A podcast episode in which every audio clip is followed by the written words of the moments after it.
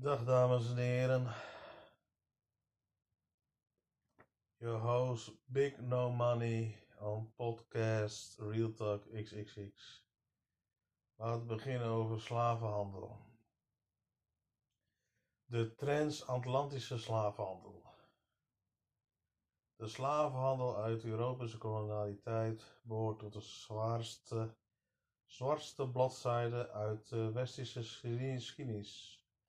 Er vallen genoeg nuances in dit zwart-wit verhaal aan te brengen. Hier wordt deze op dus weliswaar inbegrijpelijk, maar daarmee nog niet draaglijk.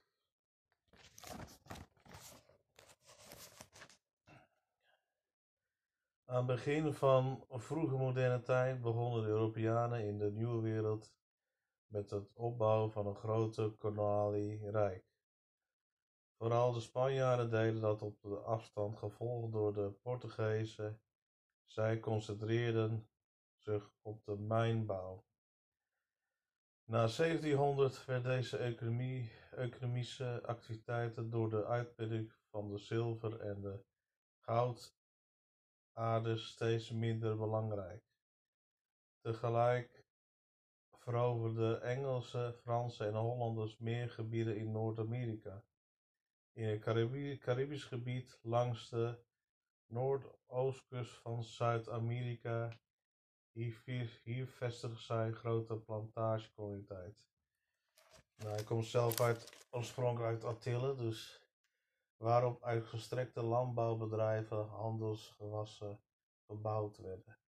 In deze overzeese gebiedendelen specialiseerden de eigenaars vaak in het verbouwen van maar één gewas.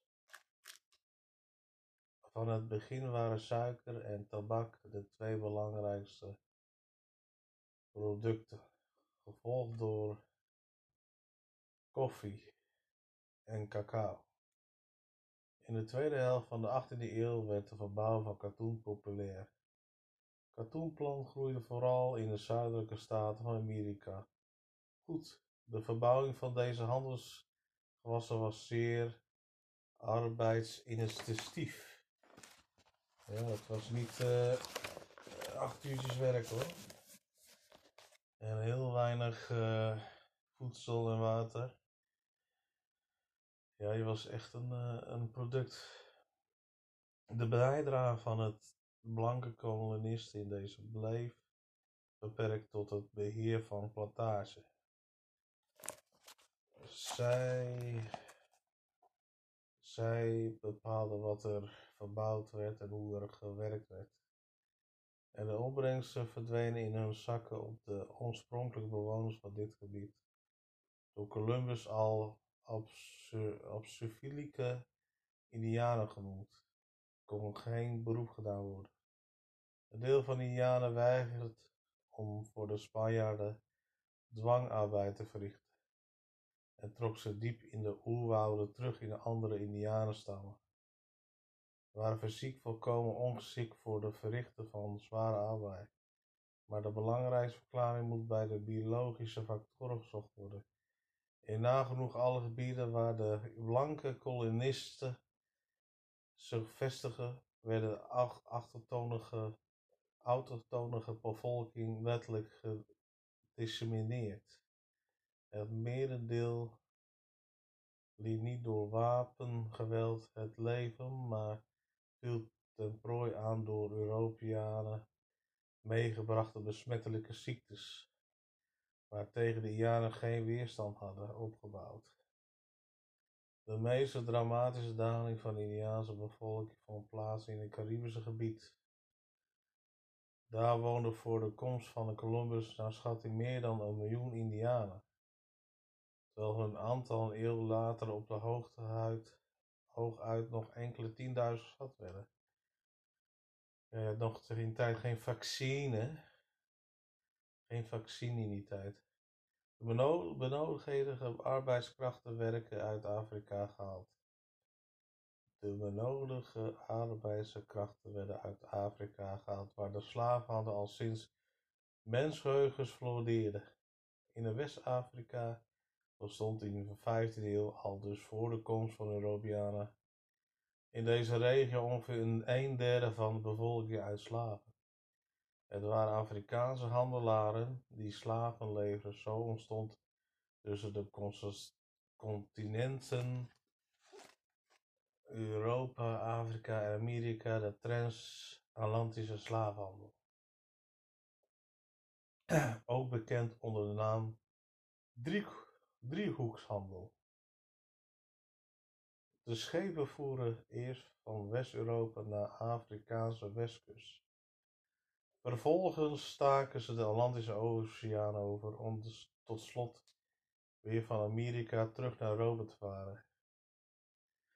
Het is nauwkeurig bekend welke ruilgoederen de West-Europese kooplieden mee naar de Afrikaanse kust namen om deze daar tegen slaven te ruilen. Zo bestond, om een voorbeeld te noemen, meer dan de helft van de waarde van de lading van de Hollandse en Zeeuwse slavenschepen uit Texel, of eh, uit textiel, was in textiel was in tijd, stond nog niet, uit textiel, zowel wollen stoffen uit Leiden als katoen en mooie bedrukte zijde uit India.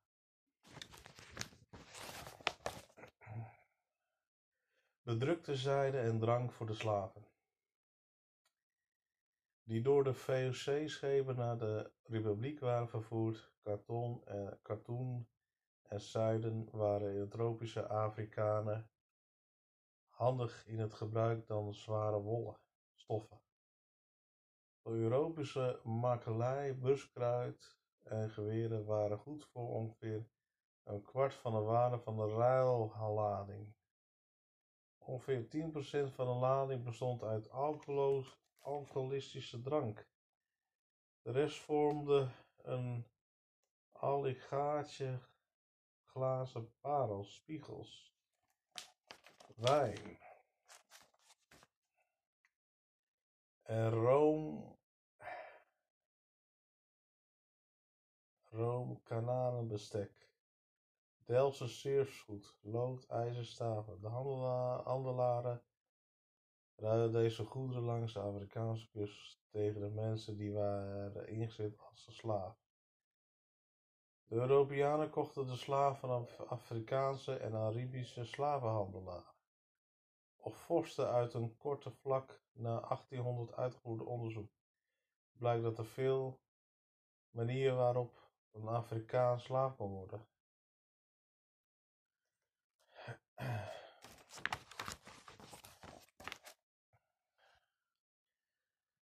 Een Afrikaans geworden. Ongeveer 35% van de slaven was vroeger krijgsgevangen geweest. 30% was gekidnapt. Ongeveer 5 tot 10% was door de familie als slaaf verkocht. En iets meer dan 10% was door de rechtbank tot slavernij veroordeeld. Veel maakte dit voor Europese kooplieden overigens niets uit. Als hij maar op tijd voldoende slaven aan boord kon nemen, dan was het voor hem om even waar deze vandaan komen.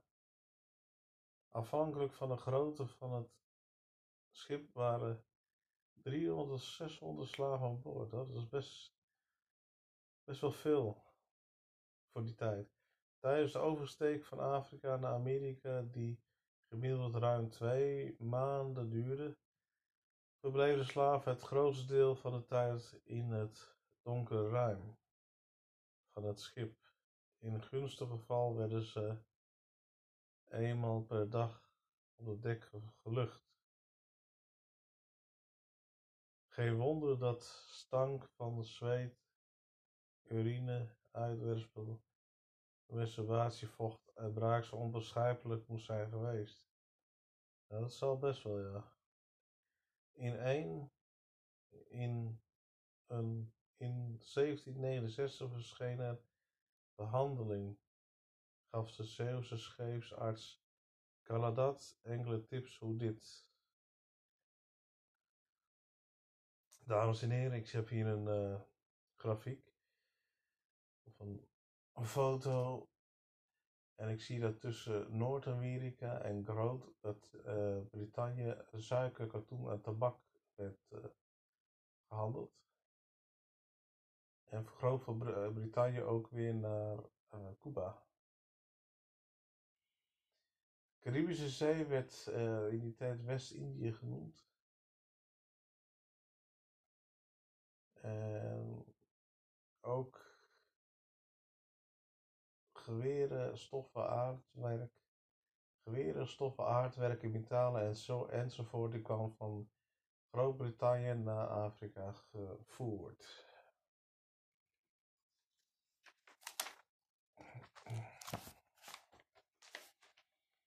Nou ja, nog even kijken.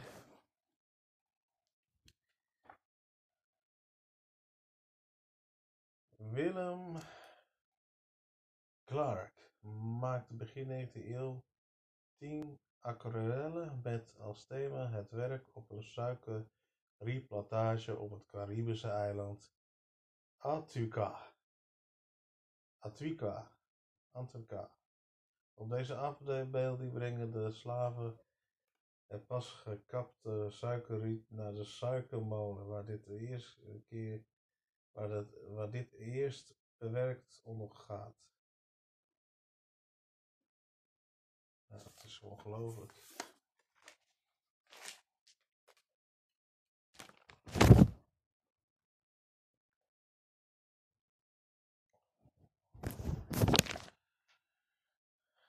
Ongemak en engeziens de beperking door buskruid in den brand te steken door roking van wierook, jeneverbessen enzovoort en door de beproeving met azijn, sproeiing met azijn, of limon, limon, limon, sap, al deze middelen moeten we oordeel en al oplettendheid in werk gesteld worden.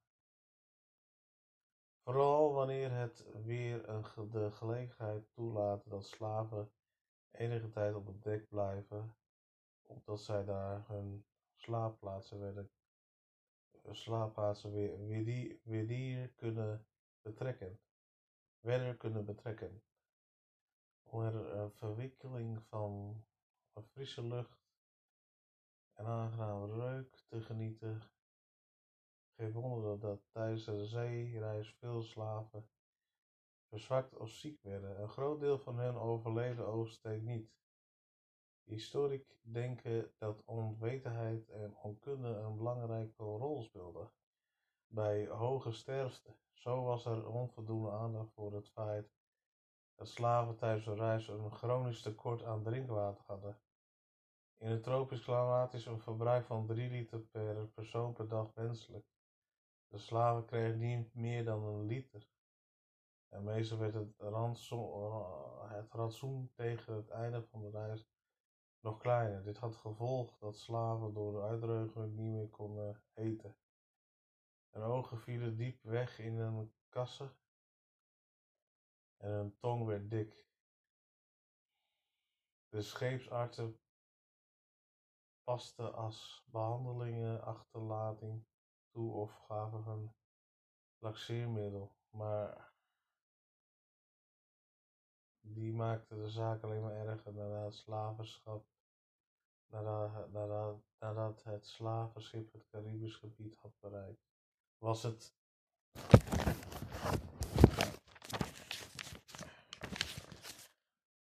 was het zaak voor de kapitein om zo snel mogelijk zijn slaaf voor één zo hoog mogelijk voor prijs van de hand te doen. Ja, goed. Als de helft dood zijn, dan moet de prijs omhoog, hè? Hier moest hij, zoals PCM kleurrijk beschreven, soms wel wat trucjes toepassen. De plantage-economie in Suriname. Was er in Afrika per ongeluk een oude slaaf ingekocht, omdat ze grijsharig had waren en, en ze leeftijd niet had veranderd, dan werden die haren na aankomst in de nieuwe wereld natuurlijk weer ververfd. waar de borsten van een vrouwelijke slaaf wat slap, geen, geen nood. Een mengsel van olie en, en, citroensap bracht daar wel verandering in. Had een slaaplast van onstuitbare diarree. Met een kurk werd het anus afgesloten. En na de verkoop was de buikloop het probleem van een nieuwe eigenaar. Is gewoon niet normaal. Hing de stank van het slavenruim nog in het haar? Geparfumeerde smeersel deden wonderen. Het merendeel van de slaven werkte op plantage, alleen al in de Suriname werden daarvan in de loop van de tijd zo'n 700 aangelegd. Alles in een kolonie was aan deze ene bedrijfsvorm opgehangen. Het enige dat het land daar zelf voor leefde waren de grond en het klimaat. Al die andere kwam van buiten. Niet alleen de bakstenen en spijker, de kleding en de drank, maar ook de kapitaal. kapitaal. En de eigenaar en enkele van, van zijn opzichters kwamen uit de rubriek. Alleen arbeidskrachten kwamen uit Afrika. De eerste plantages waren vooral suikerrietplantages. Deze waren aangelegd op de zuidenoever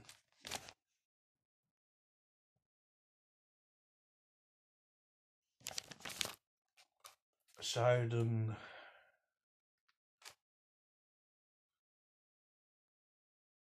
Op de zanige oevers langs de bovenloop van Surinamese rivieren. Toen na 1750 de koffie, uh, zich als nieuwe geldmaker had aangediend, waren de kooplieden bereid om veel geld in een nieuwe plantage te investeren. Op de plaats waar, veel, waar, waar eerst mangroevebossen hadden gestaan, verrezen nu landbouwbedrijven. Deze laag gelegen gronden stonden echter voort.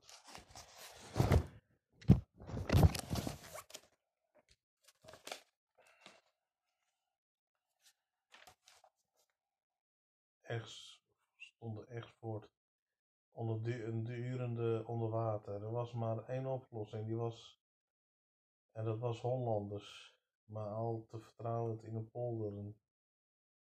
In de moordende tropische zon werden al die dijken en, en afweteringsloten met schop uitgegraven. En daarna moesten ze twee keer per jaar worden aangebaggerd. Een gemiddelde plantage had tussen de 15 en 20 streken de kilometersloten. In de herinnering van slaven waren de, begraaf, de graafwerkzaamheden de zwaarste taken.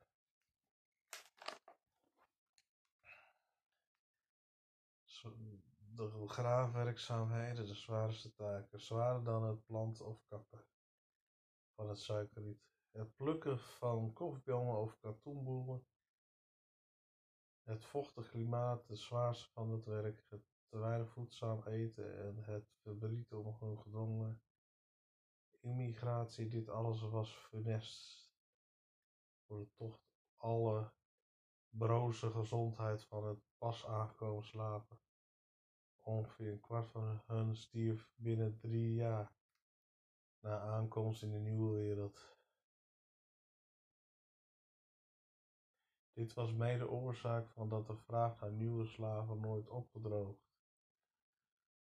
Misschien als ze gaan telkens uitbreiden, ja, dan moet je meer uh, slaven. Dat is echt absurd. En steeds opnieuw moesten de op, opgevallen plaatsen worden opgevuld. Er spreekt dat tussen 1500 en 1850 ongeveer 12 miljoen Afrikaanse zwarte slaven Amerika zijn getransporteerd. Hier, hier werden ongeveer 550.000 door Hollandse en Zeeuwse kapiteins naar de nieuwe wereld gebracht. Geen overeenkomst met aandeel van 5%. Vroeger werden slavenhandel op de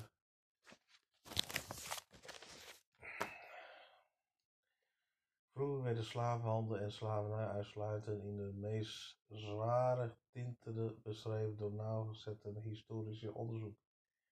Is dit een negatieve beeld, een beetje genuanceerd, zo is het inmiddels, zo is het, zo is het, zo is het inmiddels bekend dat veel plantage-eigenaren hun slaven om puur economische reden in de gelegenheid stelde om een deel van de werkweek naar hun eigen inzicht in te vullen. Slaven konden dan gaan vissen of gaan jagen in de moestuinen, kostgrondjes onderhouden. Slaven die het vertrouwen van de meesten gewonnen hadden, kregen een pas waar, waarmee zij zich buiten de plantage mochten begeven. Een enkele mocht zelf naar de lokale weekmarkt om daar zijn verbouwde overschot te verkopen. Buiten de oogsttijd dan werd er inderdaad het grootste deel van de dag en de nacht gewerkt. En maar weinig uh, geslapen. Mochten zij zelf vrienden op een andere plantage bezoeken. De nuchtere, bijna boekhouderkundige conclusie dat slaven gemiddeld zeker niet te langer gewerkt hebben en dan in, veel beroepen in het toenmalige Europa doet weinig af aan het feit dat het merendeel van Afrikaans slaaf tegen zin naar een nieuwe wereld werden gebracht. De roep door een nazaten genoegdoening of excuses klinkt. De laatste jaren steeds vaker en steeds minder in Nederlands ja, de laatste jaren steeds vaker en steeds luider in Nederland zal 1 juli 2013 de laak proef worden. Er zal gedacht worden dat precies 150 jaar geleden, 150 jaar geleden in Suriname, Nederlands, uh, dat de, de, de slavernij werd afgeschaft. Dus dames en heren, op 1 juli 2013, is al 7 jaar geleden, zal, zal gedacht worden 150 jaar geleden Suriname en op het Nederlands de slavernij werden afgeschaft.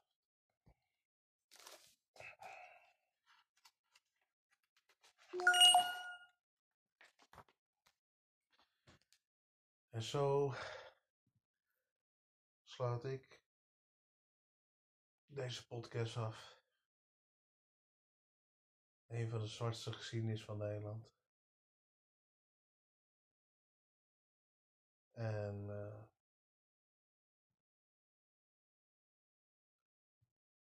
En ik weet dat er heel gevoelig voelt.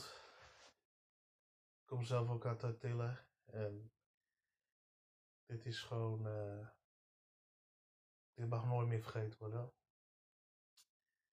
Dit mag nooit meer vergeten worden, net als de Tweede Wereldoorlog. Want we leven op één mooie blauwe planeet.